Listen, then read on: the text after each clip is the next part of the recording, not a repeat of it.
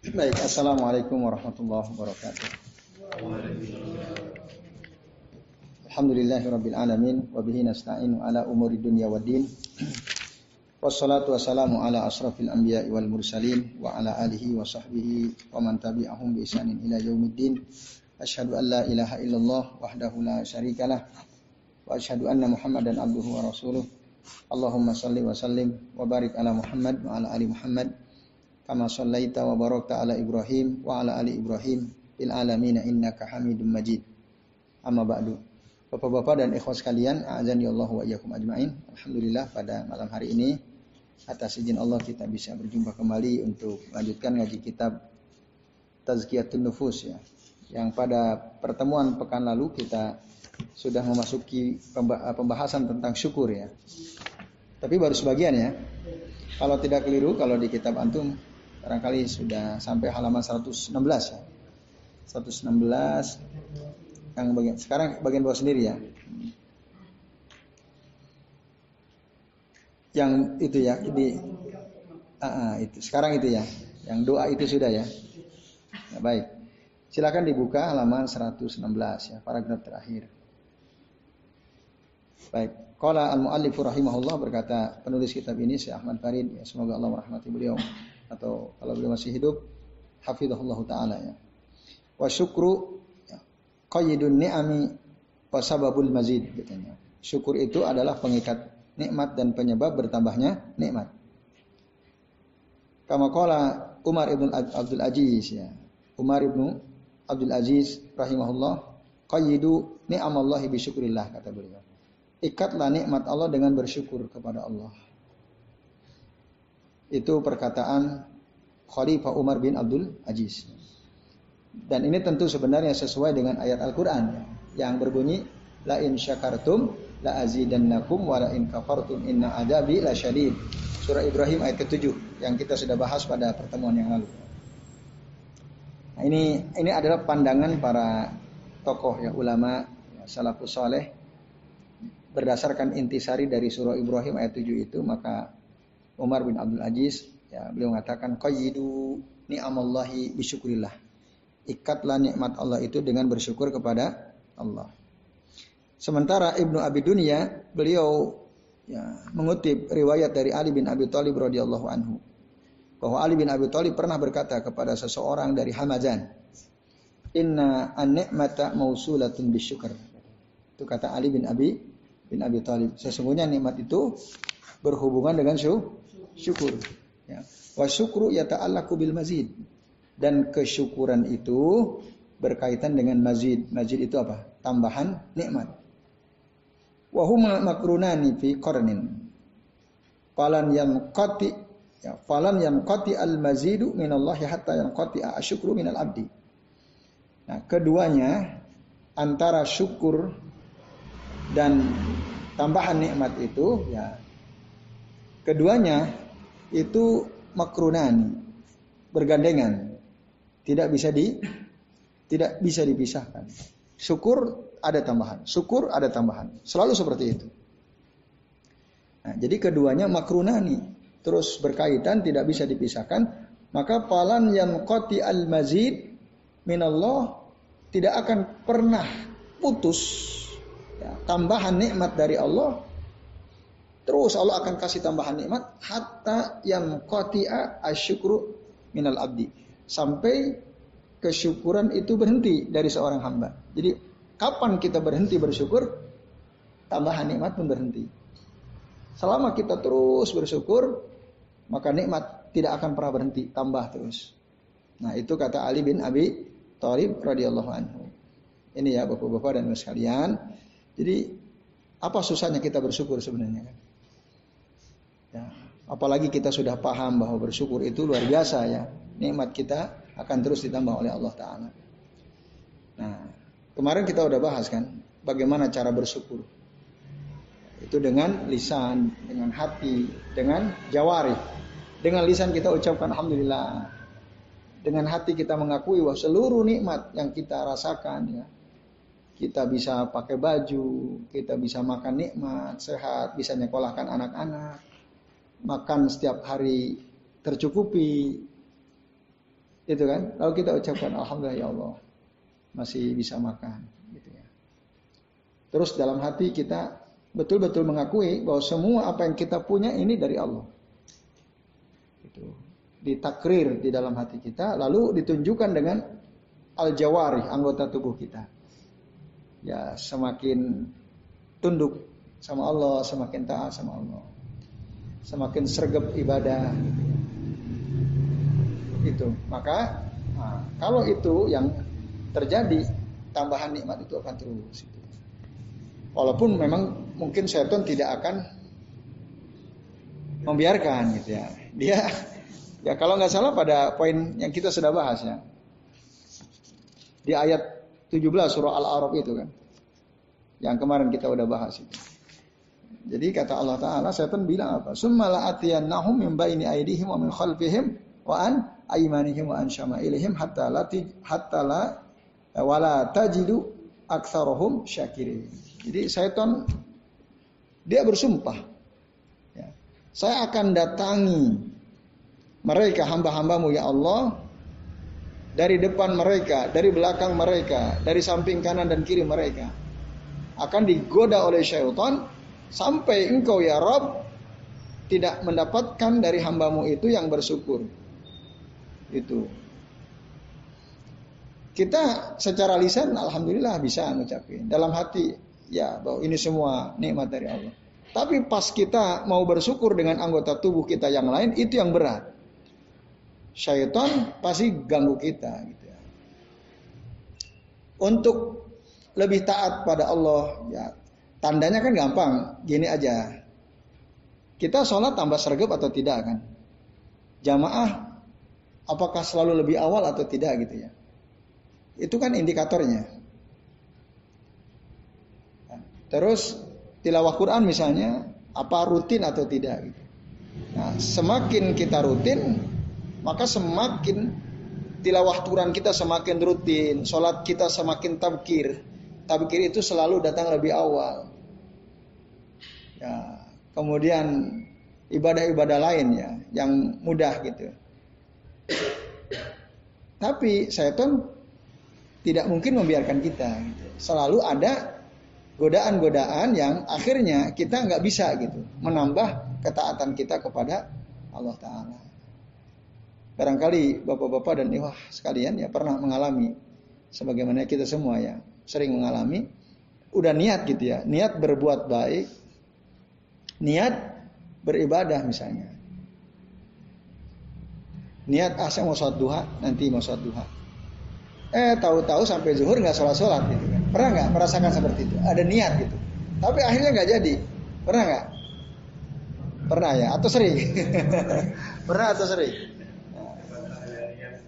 Ah ah ada apalagi kalau kalau ingat ah niat ada udah cukup udah, udah cukup dapat kebaikan gitu ya sama setan ya top betul betul betul gitu Nah itu. Akhirnya tiap hari cuma niat tau gitu. Ya, nah itu. Ah, ya akhirnya taswib betul. Padahal taswib itu haram gitu. Taswib itu haram. Taswib itu apa? Menunda-nunda, mengakhir-akhirkan. Saya akan suatu hak kapan nanti. Ini udah jam 9, ya masih zuhur masih lama lah. Nah, terus udah jam 10. Oh, masih dua jam lah lumayan gitu. Tahu-tahu oh udah jam 11, ah masih ada kesempatan. Tahu-tahu udah Allahu Akbar, Allahu Akbar, masih astagfirullah, nggak jadi satu. Gitu. Nah itu. Artinya setan terus gitu akan mengganggu kita sampai nanti akhirnya kita ini betul-betul tidak menunjukkan kesyukuran kita secara jawari ya, secara anggota tubuh. Gitu. Lisan mungkin bisa ucapin alhamdulillah, hati ngakui ini semua nikmat dari Allah. Tapi ketaatan kita itu tidak nambah. Nah itu ya. Itu tadi. Dalilnya dalam surah apa tadi? Al-A'raf ayat 17 ya. Nah kemudian kola Al Hasan Hasan Al Basri aksiru min zikri hadhihi ni'am wa inna zikruha syukrun. Perbanyaklah oleh kalian mengingat nikmat-nikmat ini karena mengingat mengingat nikmat adalah bagian dari kesyukuran. Maksudnya mengingat nikmat bahwa nikmat ini dari Allah. Wa qad amarallahu nabiyahu an yuhaddisa bi ni'mati rabbih faqal. Bahkan Allah telah menyuruh nabinya untuk membicarakan nikmat dari Tuhannya di dalam surah Ad-Duha. Wa amma bi ni'mati rabbika fahaddis. Dan adapun dengan nikmat Tuhanmu maka ceritakanlah. Ceritakan. Alhamdulillah anak saya nomor satu udah selesai kuliah. Alhamdulillah. Yang kedua udah mau selesai ya di pondok gitu ya. Cerita. Tapi dalam rangka tasyakuran ya, bersyukur pada Allah. Ya, kalau mikir waduh biaya berat banget dulu kan. Ternyata selesai gitu. Alhamdulillah atas nikmat Allah taala. Nah, itu. Nah, jadi nikmat apa yang kita dapatkan ceritakan. Tapi tadi tujuannya tahaddusan bin bin nikmah walaysa tafakhuran, bukan untuk sombong ya, tafakhur. Tahaddus bin nikmah. Yaitu Kemudian wallahu yuhibbu an yura asaru ni'matihi ala abdihi. Fa inna dzalika syukru habilisanil hal. Dan Allah itu senang ya, jika ya, nampak terlihat bekas nikmat Allah itu pada hambanya. Jadi kita dapat nikmat terus ada ini cirinya kalau kita ini dapat nikmat dari Allah taala gitu. Misal Dulu kita pakai baju ya sobek-sobek, tambalan gitu. Saya dapat nikmat kita beli baju baru kelihatan. Nah, kalau kita ini dapat nih nikmat. Makanya dulu ketika Rasul ditanya, ya Rasul, saya ini suka pakai baju yang bagus, sendal yang bagus. Apa itu nggak boleh? Boleh kata Rasul. Boleh. Bahkan Inna Allah jamil yuhibbul jamal. Allah itu maha indah dan Allah suka yang indah-indah. Nah, dan itu sebagai tanda bahwa kita itu mendapat nikmat gitu.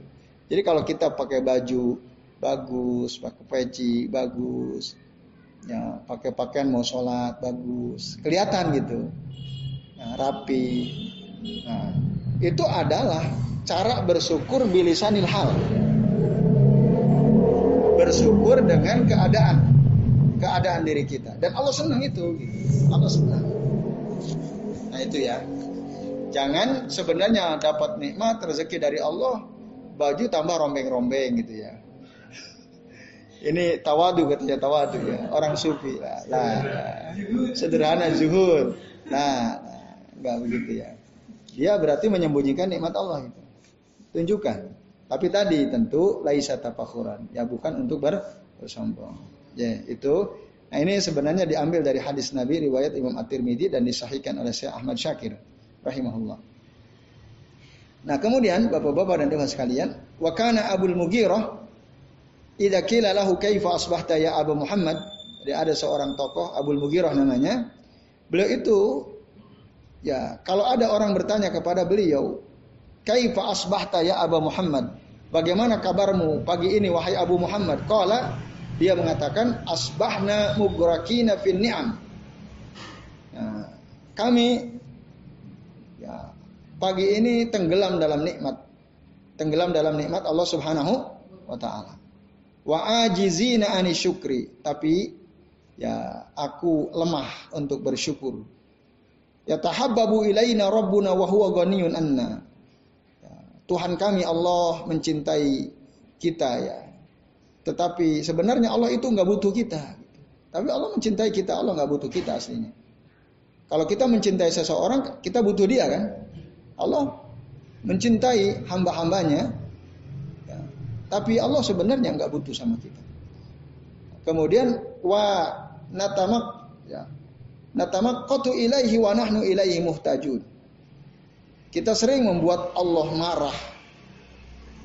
Padahal kita butuh sama Allah. Ya. Kita butuh sama Allah, tapi kita justru membuat Allah marah. Nah, maka ada bagus juga tuh ya video tiga anak muda tuh. Tiga anak muda kalau nggak salah lagi main kartu apa-apa itu ya. Lalu tiba-tiba terdengar azan, Allahu Akbar, Allahu Akbar. Salah satu bangkit, lalu pakai baju gitu. Dia untuk ke masjid ya. Teman-temannya bingung, kamu mau ke mana?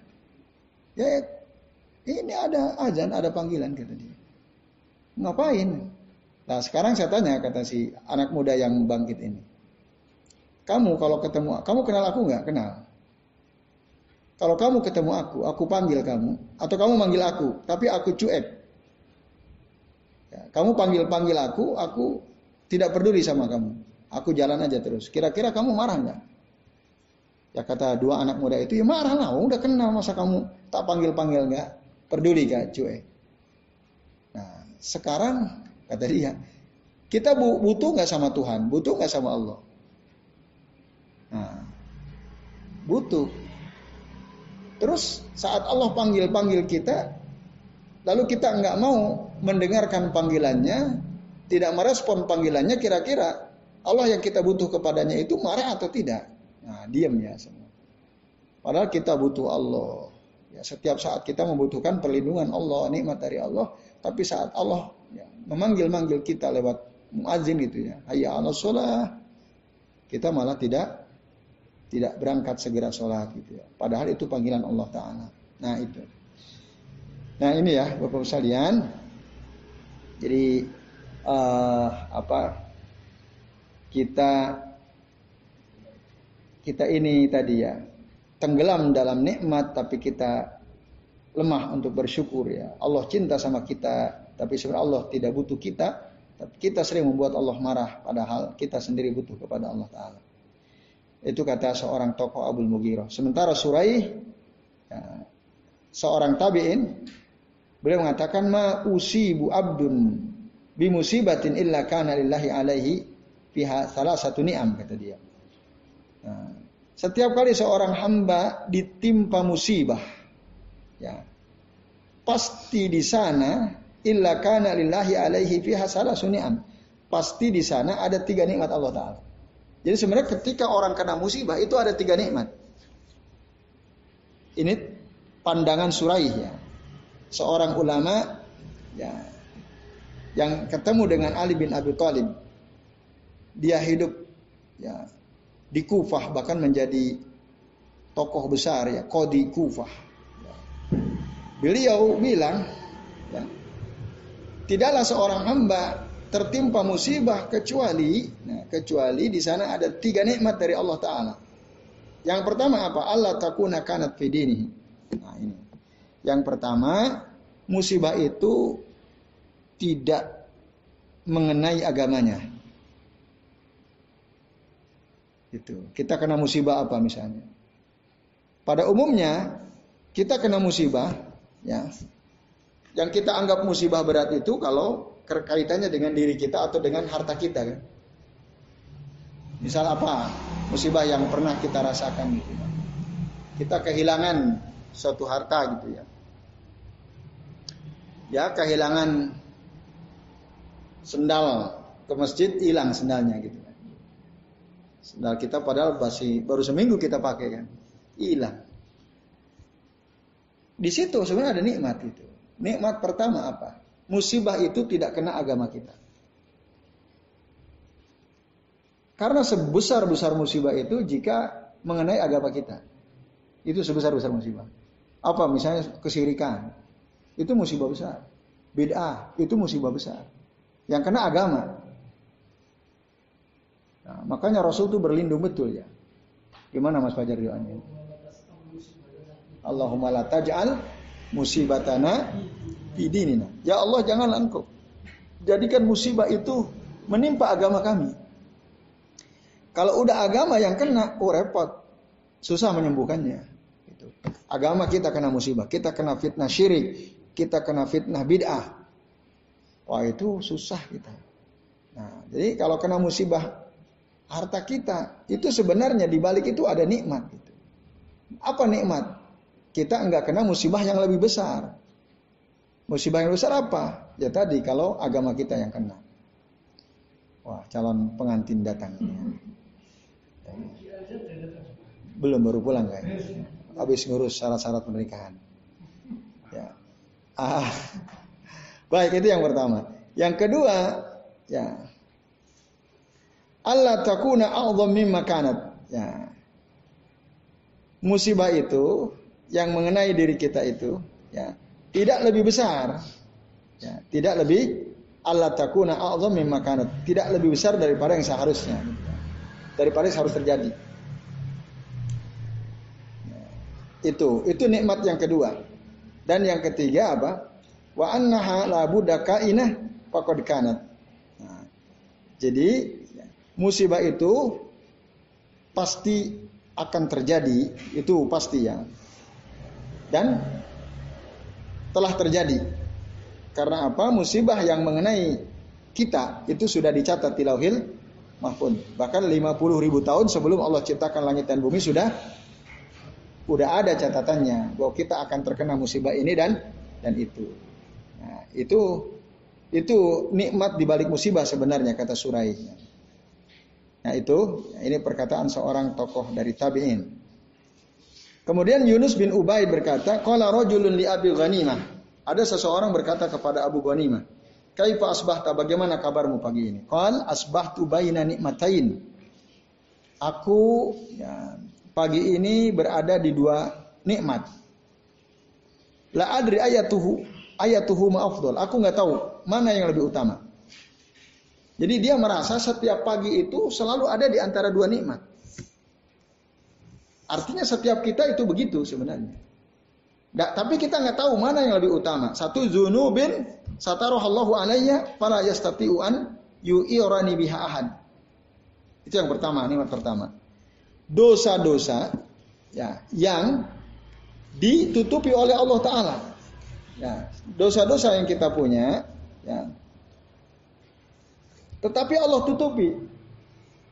Sehingga tidak ada seorang pun yang bisa menelanjangi kita ya. Sehingga tidak ada seorang pun yang tahu betapa besar sebenarnya dosa kita. Itu keadaan pertama. Nikmat bukan tuh. Kita sebenarnya punya banyak dosa, tapi orang nggak tahu kalau kita itu berdosa. Nikmat bukan? Itu nikmat itu. Aslinya dosa kita banyak, kita sendiri sadar gitu. Kalau kita ini melakukan banyak dosa. Bahkan kan kalau kita kembali ke pembahasan sebelumnya, seandainya ada seorang tokoh mengatakan, seandainya dosa itu berupa bau, berupa bau, maka nih saya tidak akan ada orang yang mau dekat-dekat dengan diriku. Karena aku ini banyak banget dosanya berarti bau sekali. Seandainya dosa itu bau. Tapi kan Allah tutupi, ya kan? Allah tutupi. Sehingga dosa itu nggak nampak kelihatan, tidak berbau. Bisa jadi sebenarnya orang yang nampaknya kelihatan soleh dosanya banyak banget. Bisa jadi kan? Kita nggak ngerti. Jangan-jangan kita ter, kita termasuk yang begitu itu. Tapi Allah tutupi. Orang nggak tahu kalau ini banyak dosanya. Itu nikmat. Itu nikmat. Ya. Ini ulama ini yang ngomong. Gitu. Yunus bin Ubain. Ya, dia bin Ubain muridnya Abu Bakar bin Anas bin Malik. Murid putranya Anas bin Malik ini. Yunus bin Ubaid ini. Yang kedua, wa mawaddatin qazafahallahu fi qulubil ibad la yablughu amali. Nah, ini nikmat yang kedua. Mawaddah. Apa itu mawaddah? Nah, kecintaan yang Allah letakkan pada hati para hamba ya, kecintaan yang Allah letakkan di hati-hati para hamba sehingga mereka itu mencintaiku padahal amal perbuatanku ya tidak mampu mencapai gitu. Artinya apa daya amalku ini ya untuk bisa mendapatkan kecintaan hamba-hamba Allah yang lain terhadap diriku. Ya. Tapi Allah tetap menjadikan orang-orang itu mencintai kita gitu. Keluarga kita, tetangga kita, teman-teman kita, teman semajelis kita cinta sama kita. Kalau kita nggak hadir ditanya, Pak ini ke mana ya? Pak ini ke mana ya? Kok nggak kelihatan? Oh iya ya, apa sakit apa gimana? Nah itu kan kecintaan sesama teman gitu ya. Tapi sebenarnya amalku ini nggak cukup gitu untuk bisa mendapatkan cintaan teman-teman itu. Nah itu adalah juga kenikmatan. Di antara dua nikmat itu, aku nggak tahu mana yang lebih utama. Yang jelas dua-duanya nikmat gitu. Kemudian Sufyan Asauri mengatakan, Fi qaulihi tabarakallahu wa ta'ala dalam firman Allah taala, sanastadrijuhum min haitsu la ya'lamun. Ini disebutkan di dalam surah Nun ayat 44 ya. Kami akan mengistidraj mereka dari arah yang yang tidak mereka ketahui. Ya. Al-Araf 182. Oh, oke. Okay. Coba dicek, dicek. Ya, sebentar. Ya bisa jadi juga keliru ini ya. Editornya. Bisa jadi. Ah, antara dua kemungkinan. Apa? Ya, nun itu surah Al-Qalam ya. Al-Qalam benar ya? Coba ya, cek ya. Sebentar. Sanas tadrijuhum itu ya. Sanas tadrijuhum.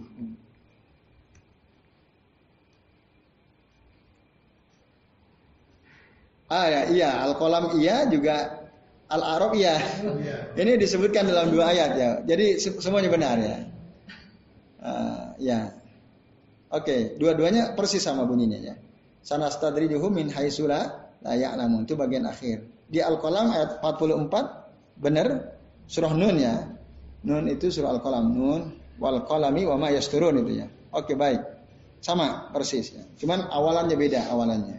Kalau Al-Arab awalnya walladzina kadzabu bi ayatina sementara soal kolam fadarni wa may yukadzibu bi hadil bi hadil hadis sana sadri dan seterusnya. Oke, dua-duanya benar. Baik. Nah, Bapak-bapak dan ibu sekalian, apa komentar Sufyan Ats-Tsauri terkait dengan ayat Allah ini? Ya, baik di surah Al-Qalam ayat 44 atau dalam surah Al-A'raf ayat 182 tadi. Nah, beliau mengatakan yasigu alaihim an-ni'am wa yamna'uhum syukr. Wa qala ghairu wahidin kullama ahdasu dzamban ya ahdasa lahum nikmatan. Itu. Jadi mereka diliputi oleh nikmat, tapi mereka terhalang dari bersyukur kepada Allah taala. Orang yang di istidraj itu mereka semua diliputi oleh nikmat.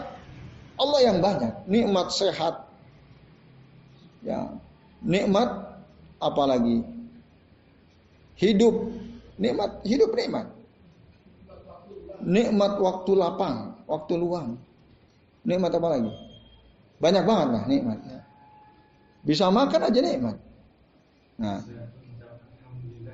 oh bisa ngucapin alhamdulillah itu nikmat itu ya bisa sholat itu nikmat bisa sholat jamaah itu nikmat bisa sholat duha nikmat bisa melakukan kebaikan itu nikmat. Gitu ya. Tapi ada orang yang diliputi oleh nikmat Allah Ta'ala, tapi dia tercegah dari bersyukur. Ya, berarti nikmatnya bukan nikmat yang tadi ya. Nikmat yang dimaksud di sini, dia dapat nikmat sehat, nikmat waktu luang, nikmat makan enak. Tapi dia nggak bisa bersyukur. Maka orang yang seperti ini, banyak ulama mengatakan, Kullama ahdasu dzamban, setiap kali mereka berbuat dosa, ahdasalahu nikmatan. Justru Allah berikan mereka nikmat. Berdosa, nikmat Allah kasih. Berdosa, Allah kasih nikmat. Ah itu istidrak. Itu hati-hati itu ya. Kita berdosa terus, jamaah kita sering tinggalin gitu ya, salat jamaah sering kita tinggalin. Terus mata kita nggak jaga gitu ya. Waktu kita sia-siakan. Habis hanya untuk nonton video TikTok misalnya. Ya, habis waktu kita ya. Tapi nikmat kok datang terus gitu. Gampang sekali nikmat itu datang. Sementara syukur kita nggak ada gitu. Nah itu hati-hati itu kayak gitu.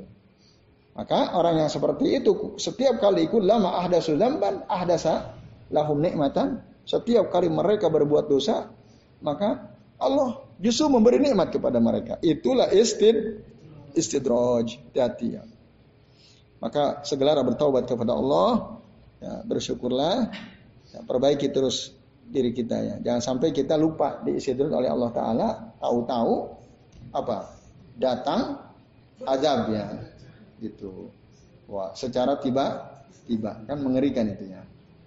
Nah itu ya. Baik. Nah berikutnya, wakala rajulun li Abi Hazim, ada seseorang berkata kepada Abu Hazim, Ma syukurul ainain ya Abu Hazim. Apa itu syukurnya kedua mata wahai Abu Hazim? Qal inna in ra'aita biha khairan a'lantahu. Ya, syukurnya kedua mata adalah ketika kamu melihat dengan kedua matamu kebaikan maka kamu nampakkan. Ya. Maka kamu sebarkan kebaikan itu. Kamu lihat apa? lihat nikmat, disebarkan kebaikan itu. Wa in ra'aita bihi masyarron satartahu. Tapi kalau kamu melihat dengan kedua matamu keburukan, kamu tutupi kebaik keburukan tersebut. Itulah syukurnya kedua ma kedua mata. Nah, kalau di zaman sekarang gimana tuh? Jalan-jalan, waduh, indah sekali gitu ya.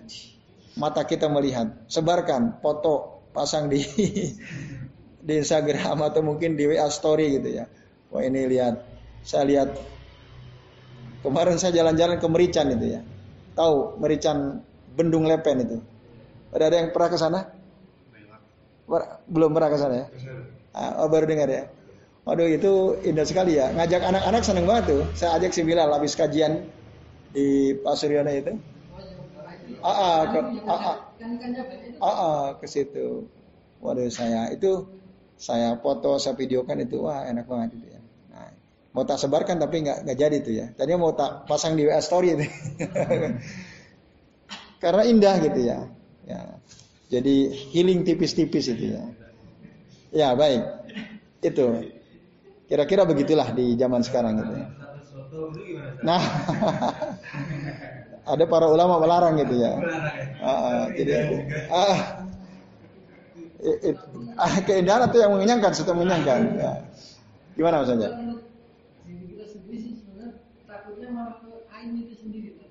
Ah, maka jangan jangan diri sendiri foto ikan-ikannya. Yang saya foto ya ikan-ikannya gitu ya. Oke, ya kira-kira begitulah di zaman sekarang ya. Kalau makanan lain lagi makanannya. Lain lagi. Ya. Nah, dingin-dingin nih ya. Oke. Kemudian wama qal wama syukru al ujunain. Lalu apa syukurnya kedua telinga katanya. Qal in sami'ta bihima khairan wa aitahu wa in sami'ta bihi masyarran dafa'tahu. Nah, syukurnya kedua telinga itu jika kamu mendengar dengan kedua telingamu kebaikan, maka kamu pelihara dia ya, kamu jaga dia. Dan jika kamu dengan kedua telingamu mendengar keburukan, maka kamu kamu cegah dia, tidak disebarkan gitu ya. Itu. Itu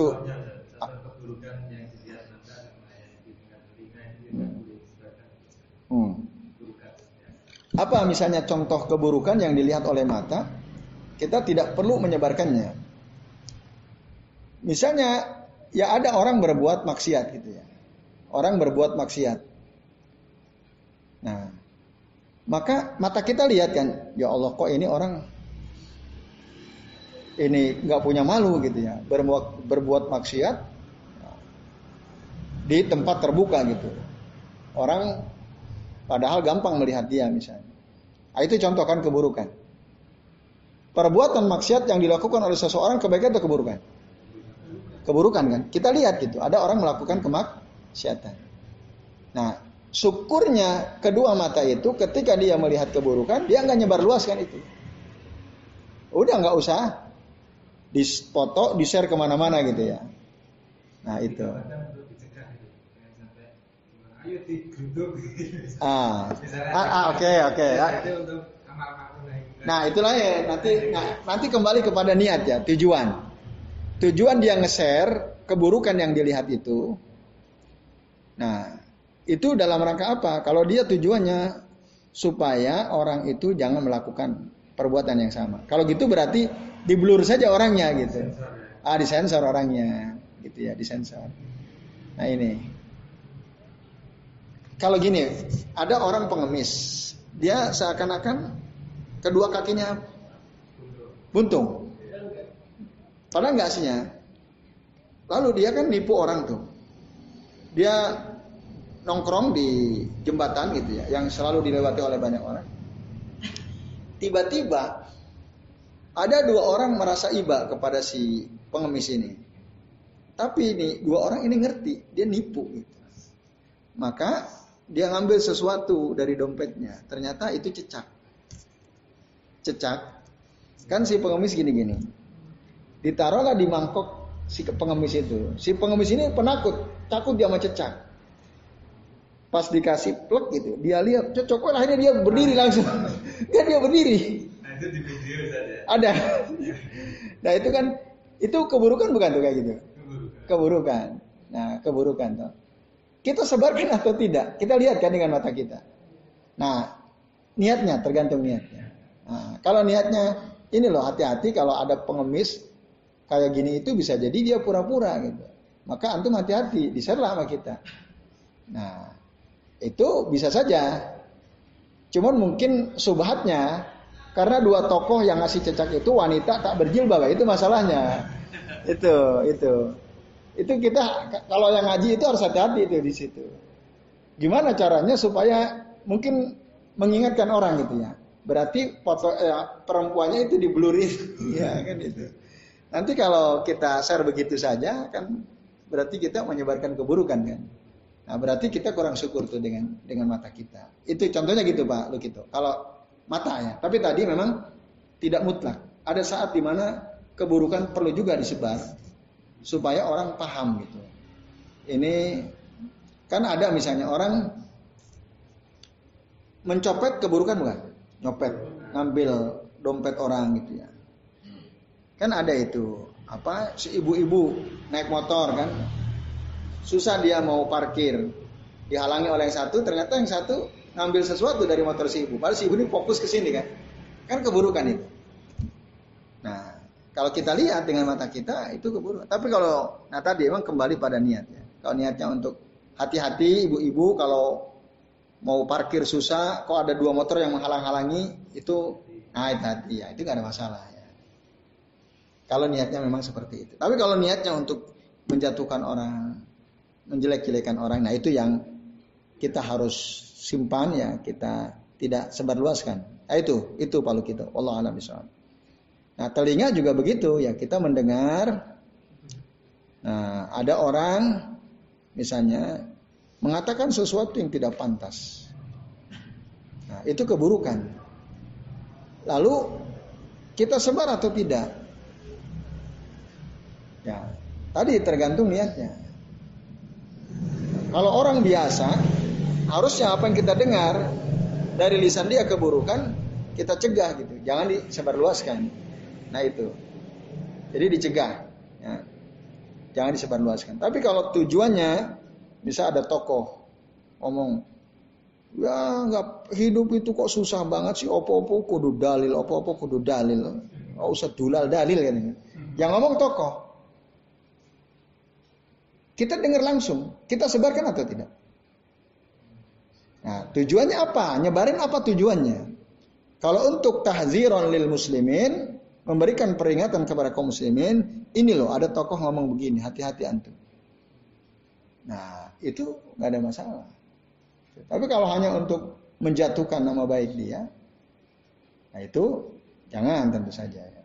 Oke baik itu. Ya misalnya ada penceramah, bapaknya ini kiai besar, yang dulu sering ngisi kajian. Ini ini tahziran ya lil muslimin. Ini saya, saya, saya dengar, saya lihat, lalu saya ceritakan di sini ya. Itu dia populer. Dulu ya. Tapi dia udah jatuh namanya sekarang. Karena Nah ini maaf ini tahziran saja pelajaran ini niat saya saya bukan apa tidak bersyukur dengan telinga saya.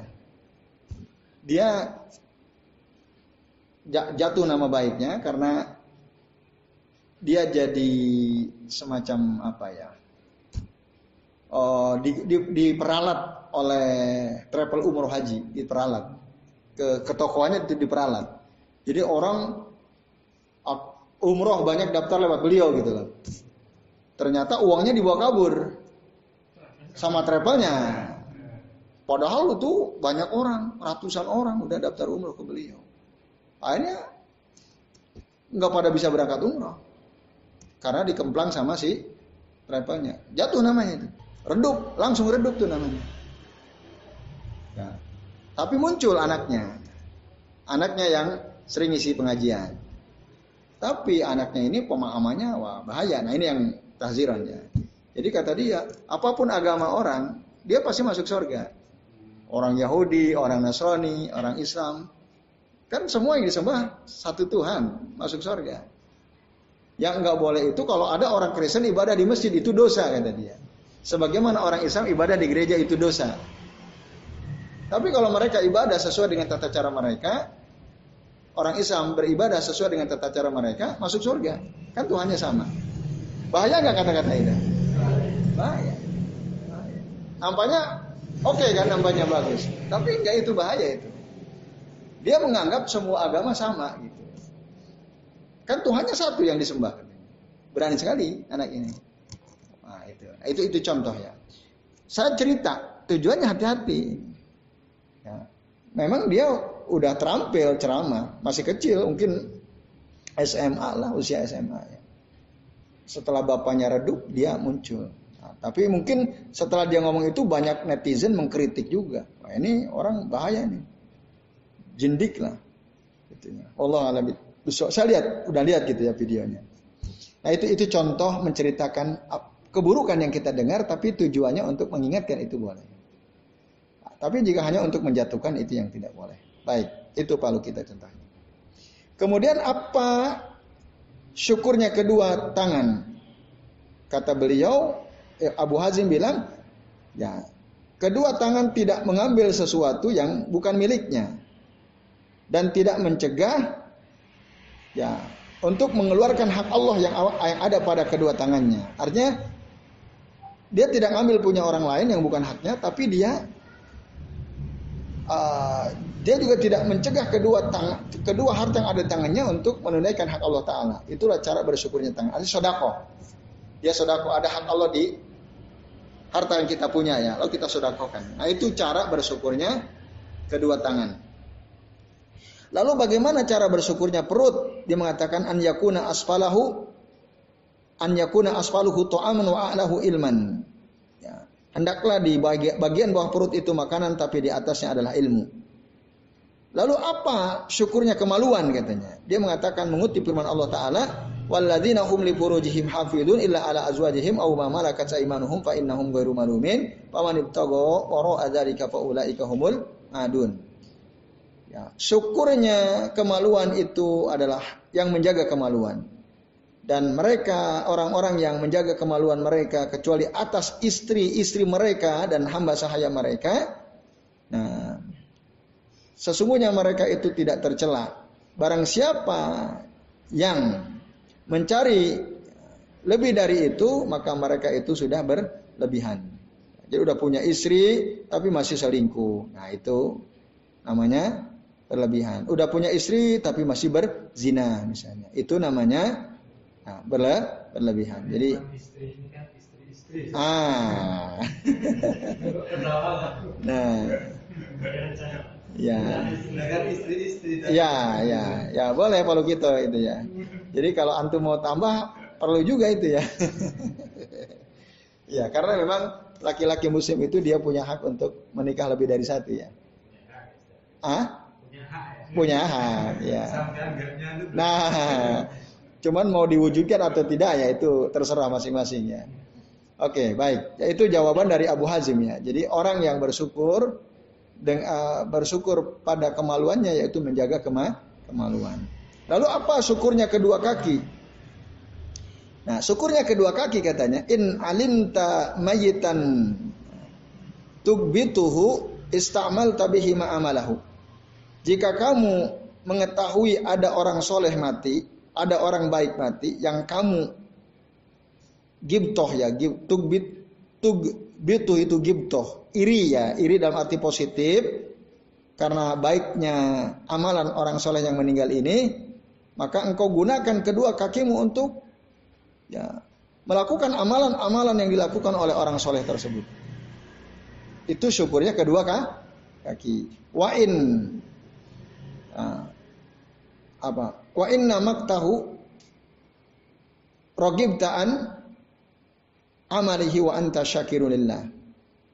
Dan jika engkau tidak suka kepada dia, jadi yang mati itu orang yang tidak baik, maka jauhi tinggalkan perbuatan orang yang tidak baik itu. Itulah cara kamu bersyukur kepada Allah Ta'ala dengan kedua kakimu katanya.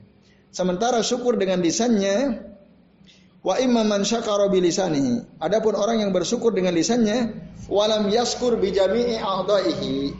Tapi anggota tubuh lain gak syukur.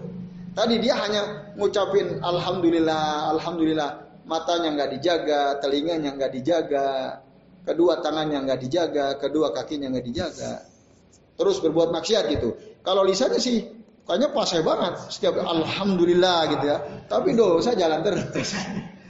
Nah, anggota tubuh lain nggak pernah syukur gitu, hanya lisannya tok gitu. Maka orang yang begitu, ya kata Abu Hazim, ya pamasaluhu kama sali rojulin lahu kisaun. Perumpamaan orang itu seperti seseorang yang punya baju lalu dia bajunya itu dia pegang ujung bajunya toh tapi baju itu nggak dia pakai. Dia punya baju yang dia pegang cuma ujungnya toh, dia nggak pakai baju itu. Apakah bermanfaat baju itu? Dia hanya pegang toh ujungnya, dia nggak dia pakai. Bermanfaat atau tidak baju tersebut? Pamatan fauhu kan? Nggak ada manfaatnya. Ya, pamatan fauhu dari kaminal har wal barad wasal wal motor. Itu nggak ada manfaatnya yang bisa melindungi dia dari panas. Wong bajunya nggak dipakai, cuma dipegang-pegang toh. Jadi perumpamaan orang yang bersyukur secara lisan, tapi anggota tubuhnya tidak, tidak bersyukur, itu ibarat orang yang punya baju. Lalu baju itu cuma dia pegang toh de, ujungnya, uh, ya gitu. Telanjang Uh, uh, tapi dia tetap telanjang, kan gak ada manfaatnya gitu. Ibaratnya seperti itu. Orang yang hanya bersyukur dengan lisan itu ibarat orang punya baju tapi telanjang. Ya, tetap dia kepanasan, kedinginan gitu. Nah itu. Itu perumpamaan yang dikemukakan oleh Abu Hazim. Nah ini namanya kaul uh, kaul al alim ya, perkataan seorang berilmu ya. Nah itu. Terakhir wa kata ba'dul ulama ila akhin lahu. Jadi sebagian ulama menulis surat kepada saudara saudaranya ya. Amma ba'du dan adapun setelah itu faqad asbaha bina min amillahi ma la tahsihi ma kasrati ma na'sihi. Sungguh ya kita ini ya mendapatkan banyak sekali nikmat dari Allah taala. Bahkan tidak terhitung nikmat itu. Bersamaan dengan itu kita banyak bermaksiat kepadanya. Ya. Pamanadri ayyuhuma nashkur. Kita nggak tahu mana yang perlu kita syukuri gitu ya. Ajamilun ma yassara am. Nah ini ya perkataan si orang berilmu kepada saudaranya. Jadi kami tidak tahu mana yang perlu kami syukuri harus syukuri. Apakah keindahan yang dimudahkan? Ajamilun mayasar. Jadi ada keindahan yang Allah mudahkan untuk bisa kita nikmati. Am qabihun masataro. Atau ya dosa-dosa yang ditutupi oleh Allah Ta'ala. Itu. Nah ini mana yang perlu disyukuri? Kita punya banyak dosa. Dosa kita ditutupi sama Allah sehingga orang nggak ngerti kalau kita ini banyak dosa. Itu nikmat apa bukan? Nikmat. Nah, kita bisa menikmati keindahan, ya, ketenangan hati indah yang kita lihat. Dimudahkan kita untuk merasakan keindahan. Nikmat atau bukan? Nikmat apa bukan? Nikmat. Mana yang mau disyukuri? Kita dapat kemudahan untuk melihat keindahan atau banyak dosa-dosa kita yang ditutupi oleh Allah Ta'ala. Mana yang patut kita syukuri? Ya dua-duanya. Artinya sebenarnya kita ini setiap hari bergelimang nikmat sebenarnya. Tenggelam dalam nikmat sebenarnya. Bisa bangun aja kan nikmat. Bangun, ngangkat badan ringan, ya kan? Jalan ke kamar mandi nggak tergopok apa? Ya, ya gampang, kan nikmat. Ada orang bahkan bangun aja nggak bisa ngangkat badannya nggak kuat gitu ya. Itu ada kami punya tetangga ya. Ada Isya itu rapat, begini rapat, rapat takmir ya di kampung. Sholat subuh, sholat jamaah. Hari Jumat, eh pas jam setengah sepuluh, ini waktu kami tanya ya sama beliau. Istirahat ah, nunggu Istirahat sebentar gitu sebelum mandi Jumat mau istirahat dulu. Eh pas bangun jam 11 ternyata nggak bisa makan tubuhnya kena setruk ya bayangkan. Kena setruk tiba-tiba gitu. Akhirnya sampai sekarang nggak bisa sholat jamaah. Gitu. Tadinya um rapat ngobrol saya. isanya itu. Pada isya kan kita rapat ngobrolin mau Ramadan persiapan. Ya, subuh dia jamaah juga. Nah, tiba-tiba dengar Jumat malamnya itu pas kajian malam Sabtu di kampung itu. Oh Pak ini kena stroke gitu. Lah, kan ada subuhnya ada, malamnya ada. Ya itu. Akhirnya pas kita jenguk saya tanya, gimana Pak ceritanya? Tapi alhamdulillah ngomongnya masih masih bisa dipahami kan gitu. Tapi sampai sekarang belum bisa ke masjid karena tangan oh, tangan kaki yang kiri itu nggak bisa gerak. Ah, yang kiri tangan kaki. Coba bayangkan. Nah itu ya. Jadi kita bisa jalan normal aja, bisa angkat bagian tubuh kita ini nikmat luar biasa, nikmat luar biasa. Coba, habis makan nikmat, malamnya itu ikut kajian, makan nikmat, siput, udang, cumi ya kayak gitu itu. Besoknya langsung nggak bisa ngapa-ngapain itu. Ya Sampai sekarang itu. Stroke. Kena serangan stroke. Ya mungkin sekitar tiga tahun. Tapi alhamdulillah sih udah bisa ikut kajian lagi. Wah dulu kasihan. Nah itu ya. Padahal semangat banget gitu orangnya. Nah itu itulah nikmat. Jadi kita kalau masih bisa bangun enak, ya ringan, itu nikmat. Maka syukurilah gitu. Ya tadi kita kena musibah sebenarnya ada nikmat kan? Iya nikmat. Ah, ah. Yang karena cuma fisik kita, agama kita, kita masih ingat Allah gitu ya. Itu nikmat. Dosa-dosa diampuni. Ya, gitu. Oke, itu ya Bapak-bapak dan Ibu sekalian. Baik. Sudah rampung ini ya pembahasan tentang syukur. Sebelum diakhiri, barangkali ada yang mau ditanyakan, kami persilahkan. Kalau ada yang mau tanya. Masih satu yang belum jelas tadi. Ya, yang mana? bagaimana syukurnya perut tadi. Hmm. Darah makanan ada di bagian bawah, hmm. sedangkan ada di atas seperti ilmu. Hmm. Iya. Ya, ini perkataan siapa itu? Abu Hazim ya. Perkataan Abu Hazim. Nah, kalau yang kita baca dalam hadis Nabi, jadi perut itu jangan dipenuhi oleh makanan ya. Kalau mau sepertiga untuk makanan, sepertiga untuk minum, sepertiga untuk udara kan. Itu. Itu yang diterangkan oleh Nabi dalam hadis. Nah, tidak ada sepertiga untuk ilmu gitu ya. Dan ilmu apakah tempatnya di perut?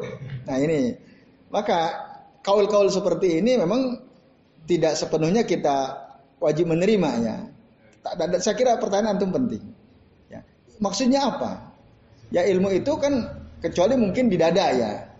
Kecuali jika dia memaknai di atas perut itu maksudnya di dada.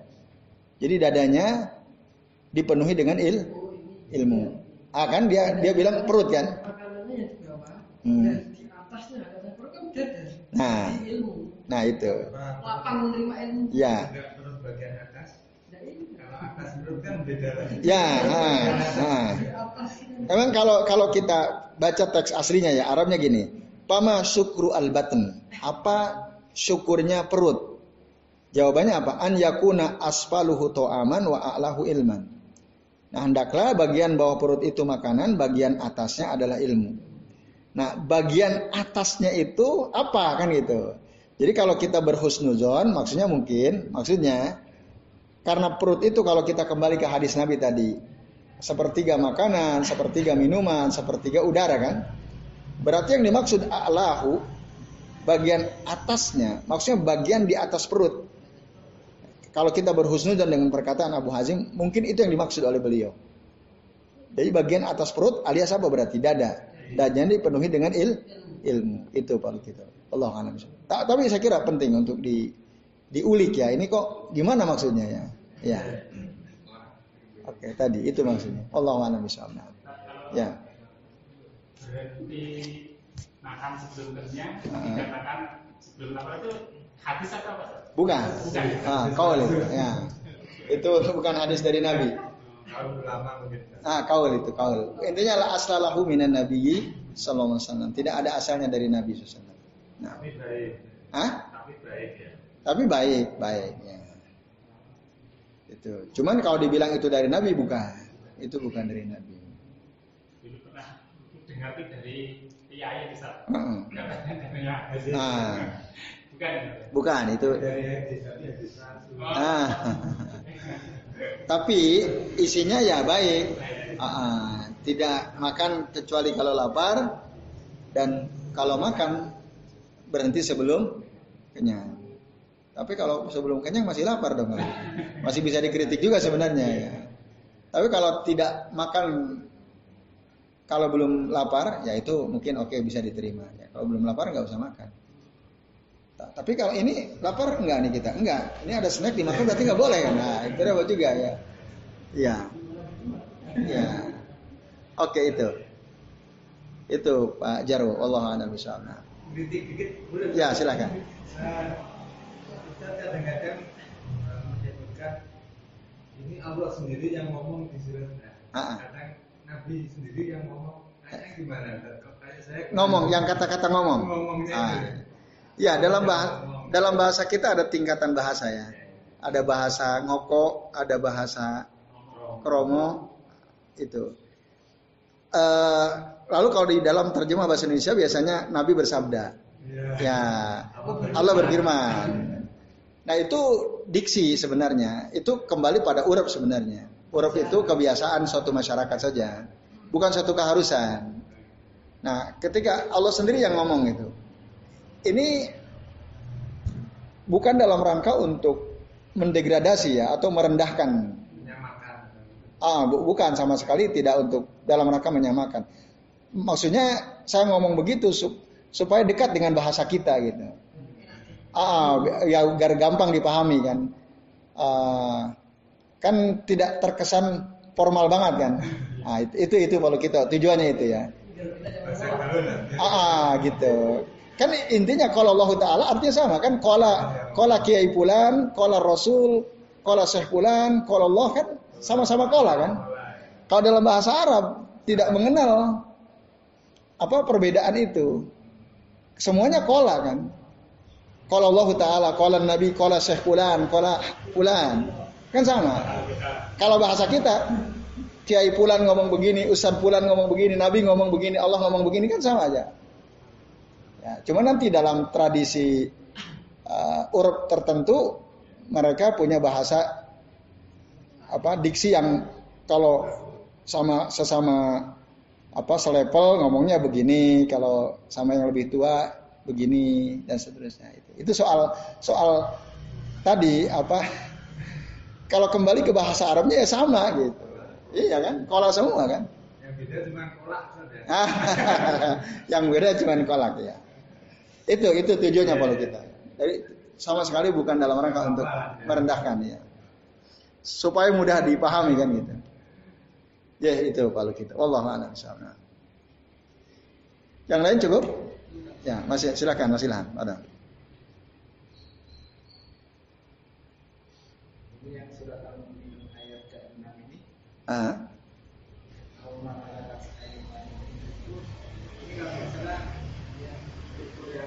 Ah, ah. ah. ya. Ya, ya, itu budak hamba saya maksudnya. Ah. Jadi di zaman dulu kan ada perbudakan ya, walaupun Islam berusaha untuk menghilangkan perbudakan. Banyak bukti dalam Al-Quran, ya ada semangat Al-Quran untuk menghilangkan perbudakan. Misalnya ketika ada orang melanggar sumpah. Kan salah satu di antara tebusannya adalah kaparohnya adalah itku rokobah. Membebaskan budak atau hamba sahaya kan. Atau ada orang membunuh. Ya, itu juga sama ya. Dia membebaskan hamba sahaya. Atau apalagi uh, orang apa kalau nggak salah puasa lagi puasa lalu dia berhubungan dengan isinya kan salah satu alternatifnya juga membebaskan budak ya. Kalau enggak ya puasa dua bulan berturut-turut kan gitu. Dan banyak lagi perbuatan-perbuatan yang itu ada kesalahan, kafarohnya itu adalah dengan cara membebaskan bu. Nah, itu menunjukkan bahwa sebenarnya syariat Islam punya semangat untuk menghilangkan perbudakan. Walaupun waktu itu masih ada. Nah, milkul yamin auma malakat aimanu aimanuhum itu tadi artinya budak yang mereka punya, yang mereka miliki. Nah, budak itu kalau dia perempuan ya, bedakan budak laki sama perempuan. Kalau budak perempuan boleh digauli oleh tuannya tanpa perlu dinikahi. Dan Nabi punya salah satu yang masyur sebenarnya Nabi itu punya dua hamba sahaya yang oleh beliau digauli. Salah satu yang paling populer siapa? Yang sampai hamil bahkan punya anak Ibrahim. Siapa namanya? Coba siap uh, Maria al Itu budak hadiah dari Raja Mesir kan? Tidak dinikahi. Tapi digauli oleh Nabi bahkan sampai hamil, hamil dan punya anak. Nah, itu itu milkul yamin ya. Jadi boleh digauli tanpa ada akad nikah karena itu sudah menjadi miliknya. Nah, lalu ada disertasi di UIN itu ya. Yang Abdul Aziz ya kalau nggak salah ya si tokohnya itu yang nulis disertasinya. Jadi dia mau melegalkan perzinahan gitu dengan alasan dengan argumen ada milkul yamin. Ya. Kan yang penting ridho sama ridho, senang sama senang, suka sama suka. Jadi nggak apa-apa orang berhubungan badan asal suka sama suka nggak ada masalah. Dalilnya mana? Nah dalilnya di antaranya ini. Ah, milkul yamin itu waladina hum li furujihim hafidun illa ala azwajihim aw ma malakat aymanuhum fa innahum ghairu malumin. Tapi itu ya jelas tidak bisa gitu. Itu namanya pandangan batil itu ya. Kalau dia mau menyamakan budak, budak perempuan dengan pacar misalnya. Ya, kan pacar sama pacar, pacaran orang berzina suka suka sama suka enggak? ridho sama ridho enggak? Ya, bisa jadi. Bisa jadi. Bahkan mungkin 90% begitu. Itu beda gitu. Dengan hamba sahaya dulu. Kalau pacar boleh nggak dijual? Kita kita kupas dari situ ya misalnya. Pacar kita anak muda lah kalau kita nggak boleh pacarannya. Anak muda pacaran, apakah dia boleh menjual pacarnya ke orang lain? Kan nggak boleh gitu. Itu satu. Terus apa pacar bisa dihibahkan gitu? di, di, diwariskan kan enggak, enggak, enggak bisa gitu. Nah itu jadi itu ini lemah pandangan yang sangat batil ya, lemah. Makanya kontroversi kan. Dan perbudakan sudah tidak ada. Menggunakan argumen yang berbudakan sendiri sudah tidak ada itu namanya memaksakan ya, membebani diri sendiri. Ya itu, makanya ramai kan? Itu pandangan yang ya sama sekali nggak mutu lah kalau bahasa. Oh, merusak. Nah, itu bahaya kan? Bahaya. Kalau itu diiyakan, ya sayangnya di UIN lolos kan disertasi itu. Rame. Coba kalau seandainya di, di oke okay, disetujui kan bahwa bisa memungkinkan di zaman sekarang itu berhubungan badan tanpa harus ada proses pernikahan sebagaimana dulu seorang tuan uh, berhubungan badan dengan budaknya tanpa ada akad nikah. Bahkan nggak ada mahar kan. Nah itu wong nikah mut'ah aja nggak boleh gitu. Nikah mut'ah kan tetap ada akad nikahnya, ada walinya, ada maharnya. Hanya dalam jangka waktu tertentu kan. Itu aja udah haram.